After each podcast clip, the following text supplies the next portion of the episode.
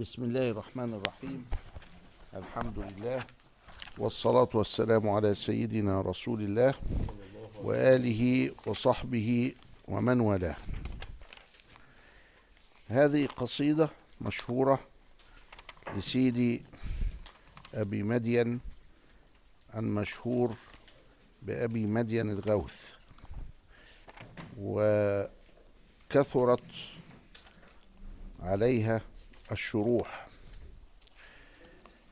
فهو سيدي الإمام شعيب بن الحسن وقيل الحسين من تلمسان بالمغرب وهو توفي 594 يعني نهاية القرن السادس الهجري.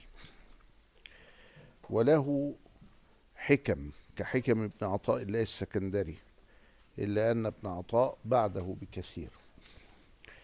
وله كتاب يسمى بأنس الوحيد ونزهة المريد في علم التوحيد وهو مطبوع وموجود عندنا في المكتبة. وله كتاب آخر اسمه مفاتح الغيب لإزالة الريب وستر العيب وأيضا هذا من الكتب المطبوعة الموجودة. وهذه القصيدة في آداب المريد ولذلك ابن عطاء الله السكندري شرحها وسمى شرحه عنوان التوفيق في آداب الطريق. وسيد ابن عطاء الله السكندري أصبح شرحه هو الشرح الأصيل. فلما شرح آه هذه القصيدة غير واحد منهم ابن علان ومنهم ابن الميلق ومنهم غير ذلك تجد مشابهة كبيرة جدا بينه وبين شرح ابن عطاء الله السكندري. وكأن ابن عطاء الله السكندري هو الأصل الذي بعد ذلك التزموا كثيرا بكلامه. ولذلك عنوان التوفيق هو الشرح الأصيل وبعد ذلك الشروح أخذت وزادت وأنقصت منه ولكن هذا هو حالها. وهذه القصيدة ترجمت إلى اللغة الإنجليزية. ترجمة رصينة وتم الشرح عليها وهي كانت معتمد أهل الله من الناطقين بالإنجليزية فترة طويلة جدا للغاية. يقول رضي الله تعالى عنه وأرضاه ما لذة العيش إلا صحبة الفقراء هم السلاطين والسادات والأمراء. واخد بالك إزاي؟ قال إحنا ما إحناش عايزين جذب. يعني هو إيه؟ آه وشاع هذا البيت وذاع حتى أصبح عنوانا على كثير من الكلام ما لذة العيش إلا صحبة الفقراء. ما لذة العيش إلا يعني كأنه ينفي كل لذة عن غير صحبة الفقراء. والفقير في لغتهم يطلق على من افتقر إلى الله وخلى قلبه من كل قبيح وحلاه بكل صحيح. وخلى قلبه من السوى مما سوى الله. فهو مفتقر وفقير إلى الله سواء كان غنيا أو كان فقيرا في المال لكن الدنيا لم تدخل قلبه حتى لو كانت في يده. الدنيا في يده وليست في قلبه أو الدنيا ليست لا في يده ولا في قلبه سيان. ولذلك لا يفرح بالموجود ولا يحزن على المفقود. وهذا حال من عرف الحقيقة. ولما قسم أهل الله الناس جعلوهم من العوام أو الخواص أو خواص الخواص فالفقراء تطلق هنا على خواص الخواص. وهم الذين ارتفعت عنهم الحجب. يعني لما الحجاب بيزول فهو بيرى الحقيقة فيعيش فيها. لو أن أحدا من الناس كان على هذا القدر من المعرفة فإنه يسكن قلبه يسكن. فلا يكون هناك شيء أصلا. وهنا يسمونه الشيء في اللا شيء. يعني الشيء هو عدم. خلاص عرف إن هو لا شيء. واللا شيء ده هو, الذي يجعله يعني عارفا للحقيقة. وهنا قالوا من عرف نفسه فقد عرف ربه. لأن هو لما عرف نفسه بالافتقار وبالتواضع وبالذل وبال لا شيء بأنه لا شيء فقد عرف ربه أنه هو الباقي وهو ال ال الأول وهو الآخر وهو القوي وهو القادر إلى آخر ما هنالك. ولذلك هذه الكلمة فيها من الأسرار ما فيها لأنها تتكلم عن رفع الحجب. شخص محجوب عن هذه المعاني ثم رفعنا الحجاب فانكشفت له الحقيقة وعرف أن الدنيا فانية وأنه لا يبقى وأنه آه، آه، آه، ليس هناك في الحقيقة سوى الله وأن الأمر إنما هو بيد الله وفي قدرة الله ولذلك يصل إلى حد الرضا التام والتسليم التام والتوكل التام. ولذلك يصل إلى أن الدنيا في يده وليست في قلبه كائنة من كانت هذه الدنيا التي في يده. ولذلك يصل إلى أنه لا يفرح بالموجود ولا يحزن على المفقود. ولذلك يصل إلى أنه تجري عليه الأقدار. حتى لو غضب فإن ذلك قدر وحتى لو فرح فإن ذلك قدر. فأنت ترى عليه علامات القدر ولكن هو أصلا ليس هنا لأنه يشعر بأنه لا شيء.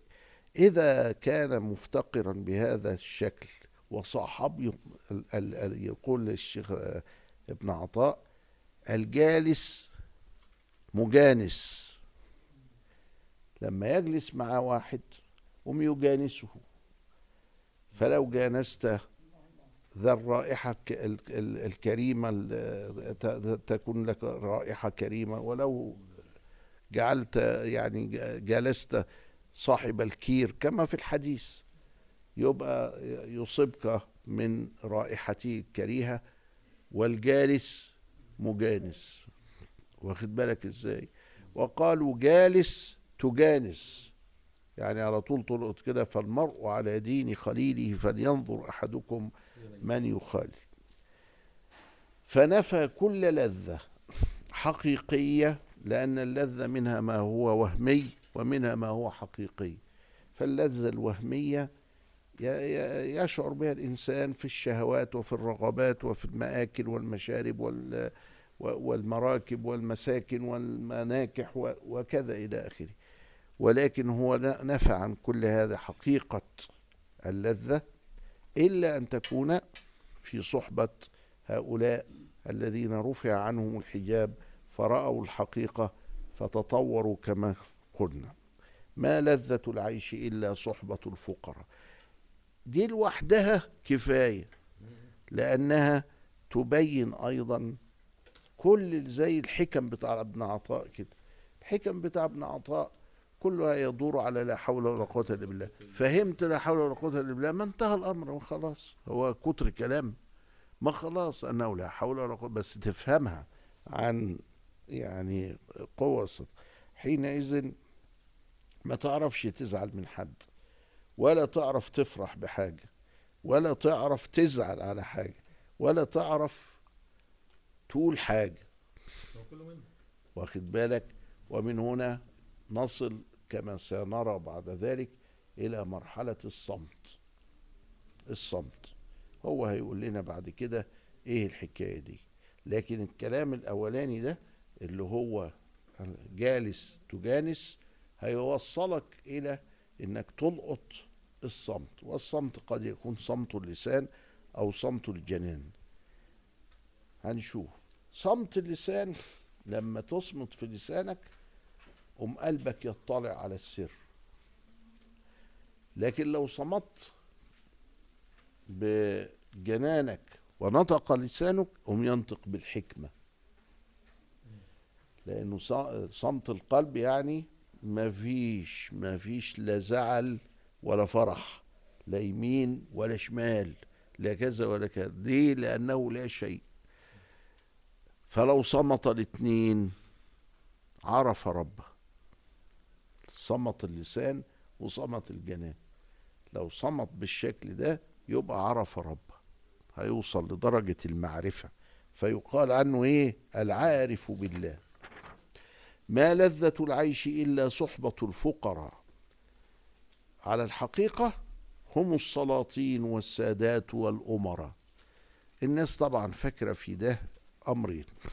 الأمر الأول أن السلاطين دول فيهم معنى أنه من عند الله. ليه من عند الله؟ مش زي ما بيقولوا أنه ظل الله في أرضه ولا كذا. لا ده هو أنه يؤتي الملك من يشاء. فما دام يؤتي الملك من يشاء يبقى الشخص ده فيه خاصية رآها الله سبحانه وتعالى فجعله في هذه المكان.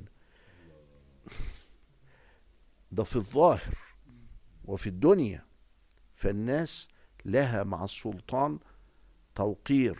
لماذا؟ لأن الله هو اللي جعله سلطانا. يؤتي الملك من يشاء. ومن هنا عظم المسلمون جدا حافظ القرآن. حتى لو كان فاسقا أو منحرفا أو زالا أو شيء من هذا القبيل. لكن يقول لك ده حافظ القرآن يا عم أنا ماليش تدخل به. ده ده معاه كتاب الله. فما الذي جعل هذا يعني يحفظ كتاب الله؟ الله. هو الذي أقامه حلقة في الطريق حلقة في السلسلة حلقة في حفظ كتاب الله. من الذي مكنه؟ والله لا حول ولا قوته يبقى لابد أن في شيء. وكان مشايخنا دائما يقفون عند هذا المعنى. أدام حافظ القرآن يبقى في حاجة. طب والحاجة دي يعني ما إحنا شايفين انحرافه يقول لك أيوه أنا شايف انحرافه آه بس طب وأعمل إيه في ربنا اللي حفظه؟ طب ربنا ما نساهوش ليه؟ ما هو حافظ أهو. أعمل أنا إيه طيب؟ واخدينها وكانوا يقولوا البيت, البيت ده هو هم السلاطين والسادات والأمر ونعمل له يعني عايز يقيسها على يؤتي الملك من يشاء.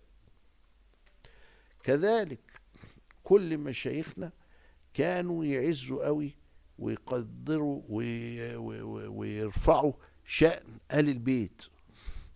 يا سيدي الفاضل ده راجل منحرف فاسق فاسد.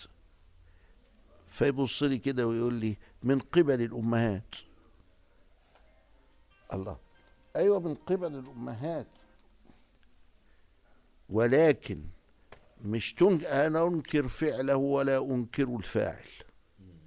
ده ربنا أكرمه. ومين اللي خلاه في النسل الشريف ده؟ الله. يبقى هم السلاطين والسادات والأمراء. أيوة غصب عني يعني؟ غصب عني. ما لذة العيش إلا صحبة الفقراء. هم السلاطين والسادات والأمراء. فاصحبهم وتأدب في مجالسهم. وخل حظك مهما قدموك ورا. يبقى إذا بيأمرك بالصحبة. والصحبة فعل. والصحبة تستلزم الدوام. مش تشوفه كل خمس شهور مرة. لا المصاحبة معناها الملازمة. ف بيأمرك بالفعل. والتأدب مراعاة الأدب مراعاة الخواطر بعد مراعاة الجوارح. وأيضا فعل. فاصحبهم وتأدب في مجالسهم. يبقى ده نوع من أنواع إيه؟ التحلي. وخلي حظك خلي نصيبك مهما قدموك ورا ده دعوة إلى إيه؟ وتهيئة لإيه؟ للصمت. والصمت ألف فيه ابن أبي الدنيا كتاب كبير فيما ورد عن سيدنا رسول الله صلى الله عليه وسلم في الصمت. والصمت هو أحد أنواع الترك. ترك الكلام وترك الأنام وترك المنام وترك الطعام. فالصمت يشمل الترك كله ده. يعني بعضهم جعل الصمت شاملا للصيام. لأنك وشاملا للاعتكاف. لأنك تركت الأنام وتركت الطعام. وتركت الكلام يبقى صمت ده اللي هو سمي صمتا في اللغة. وتركت المنام يبقى التهجد هو نوع من أنواع الصمت. وخلي حظك مهما قدموك ورا. ليه؟ لأنك ستأتي وتدعي الجهالة. يعني إيه تدعي الجهالة؟ أنت معاك معلومات ولكن ما معكش علم. انت معاك معلومات لكنها نسبية. انت معاك معلومات عن حاجات لكن هذه المعلومات اللي عن حاجات ممكن بقوانين أخرى تطلع أنها فاسدة وغير صالحة. مين اللي يعرف الله؟ طب أنا أعرف إيه بقى إن شاء الله؟ ولا حاجة. وهذا كلام السلف اعتذر لأخيك سبعين عذرا فإن لم تجد مش فايدة مقفلة. قل لعله يوجد وأنا لا أعرف. فهو عايزك وأنت مصاحب للفقراء الذين قد رفع عنهم الحجاب الذي تلتمس منهم المجانسة للمجالسة إنك أنت تبقى صامت. صامت يعني ما عندكش رأي. وغرض لهذا الرأي تفرضه وتعمله على من حولك ومن من جالستهم. كان مشايخنا قديما تملي يقولوا لنا إيه؟ خلي ودانك أكبر من لسانك. اقعد استمع وكانوا يحبوا من التلميذ إنه يصمت يسمع يقعد يسمع كده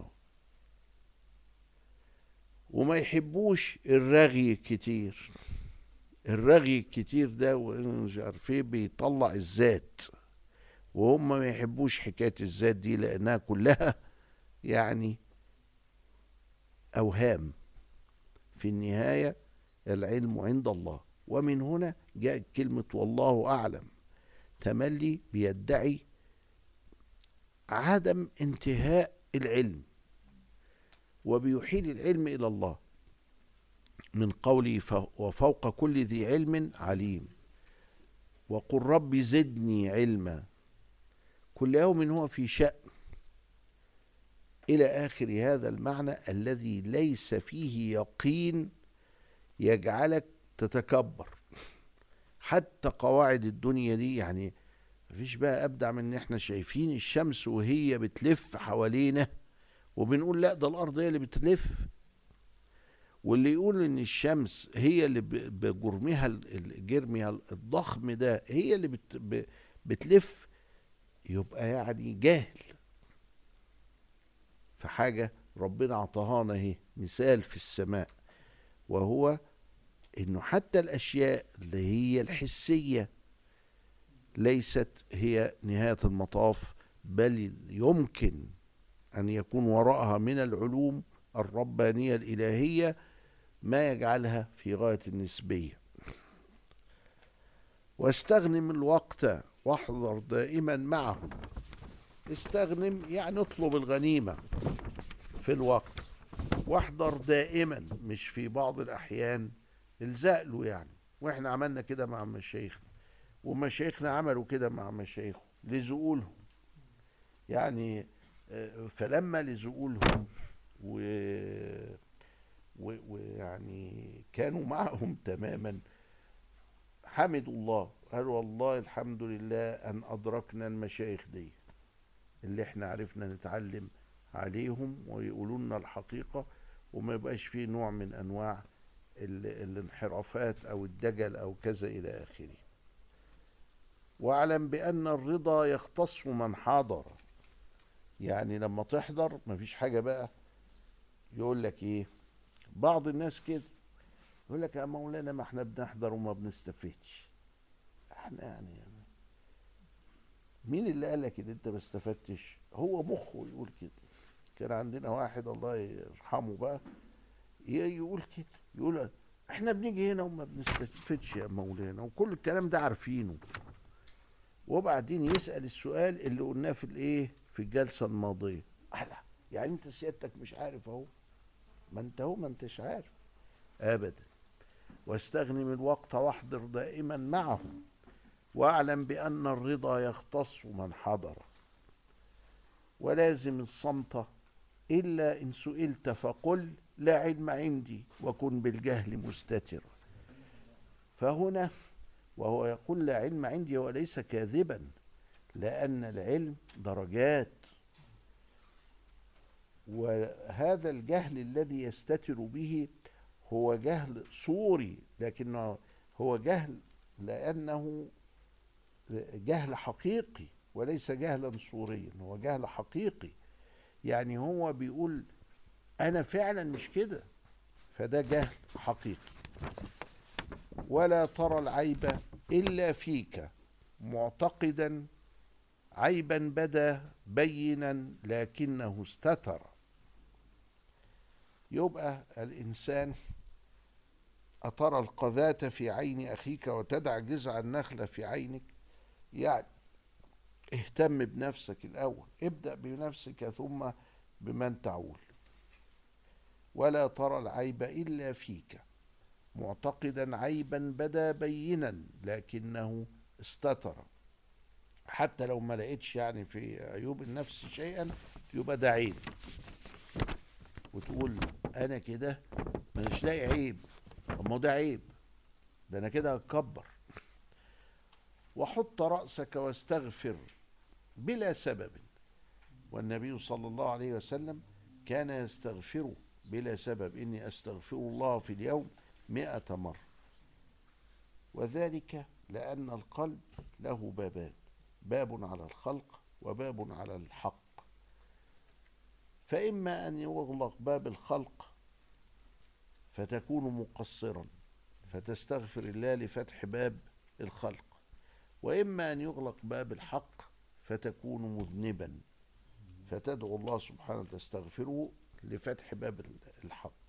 وإما أن يغلق الإثنان معا فتكون مجنونا معتوها. غير قادر على العبادة ولا العمارة ولذلك فالاستغفار على كل حال بلا سبب. وحط رأسك واستغفر بلا سبب. حط رأسك يبقى في تواضع هو. وقف على قدم الإنصاف معتذرا.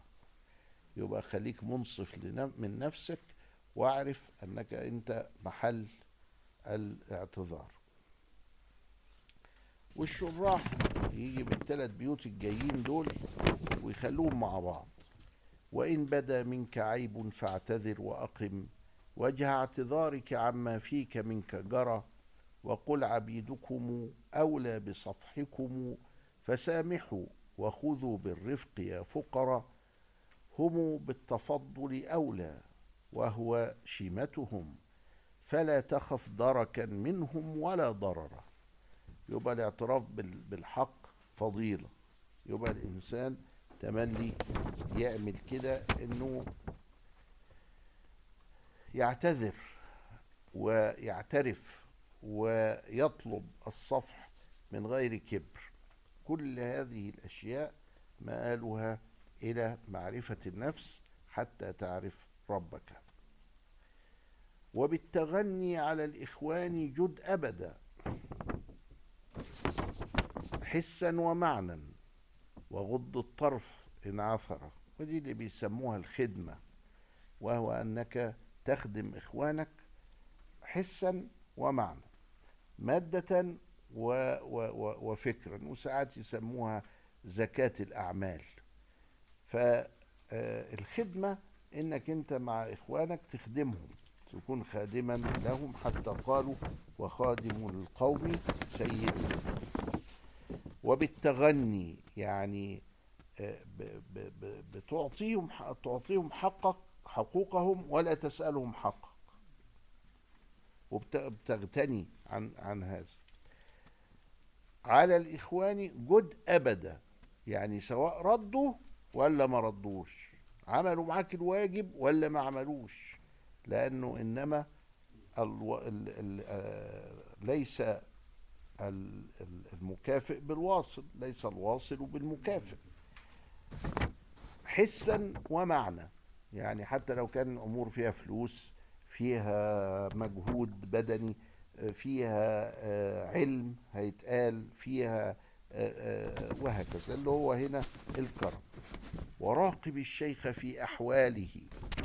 تراقب الشيخ هو بيعمل إيه في الأحوال بتاعته؟ لأنه الدنيا مواقف.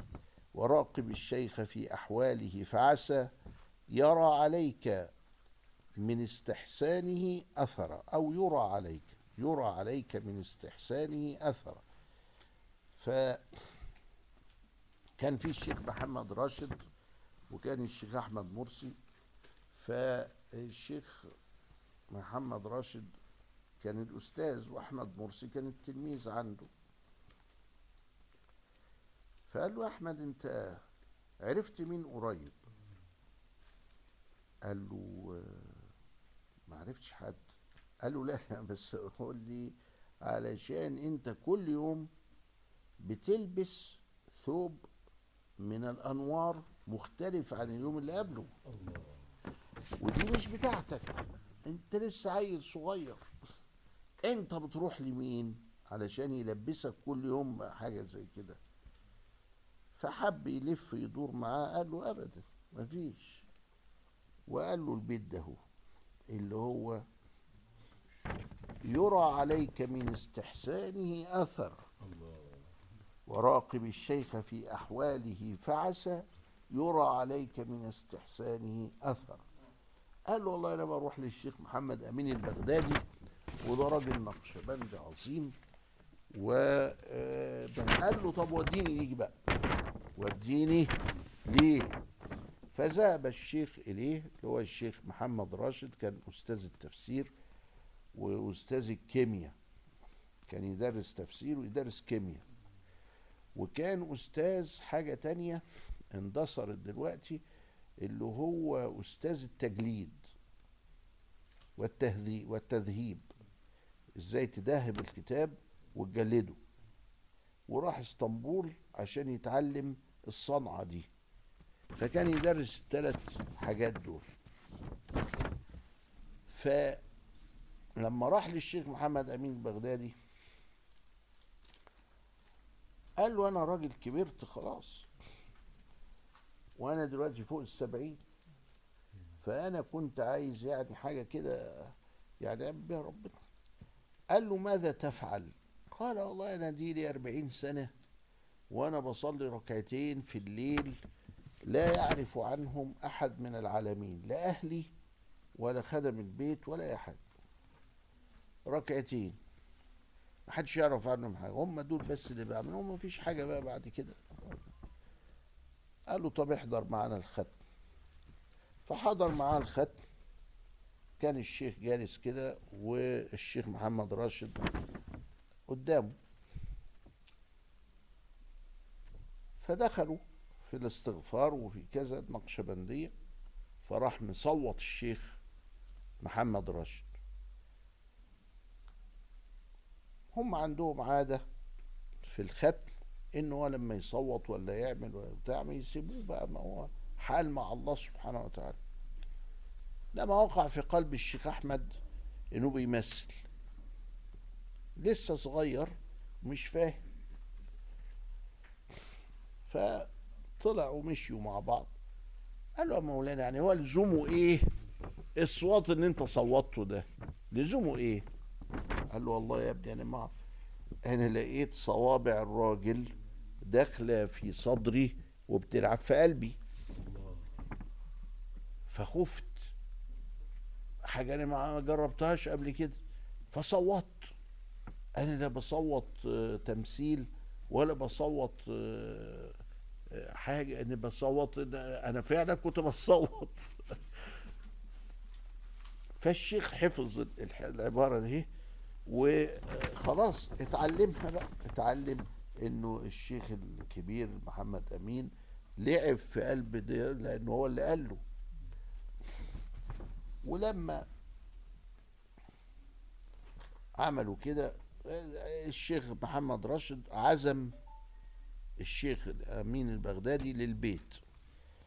وكان بيته موجود في الخليج وكان يعني في زي جنب في بورسعيد كده قريب من السيد. فلما دخل البيت وجد المكتبة كان زمان ستة متر السقف. فوجد المكتبة حاجة ضخمة قوي ولا مكتبة أسامة الأزهري. فلما لقى الحكاية كده آه الله. إيه اللي إيه, إيه ده؟ قال له يا شيخ محمد يا راشد قرأت كل الكتب دي. قال له أيوه بعون الله. مش قرأته وبس ده أنا حافظ لسان العرب.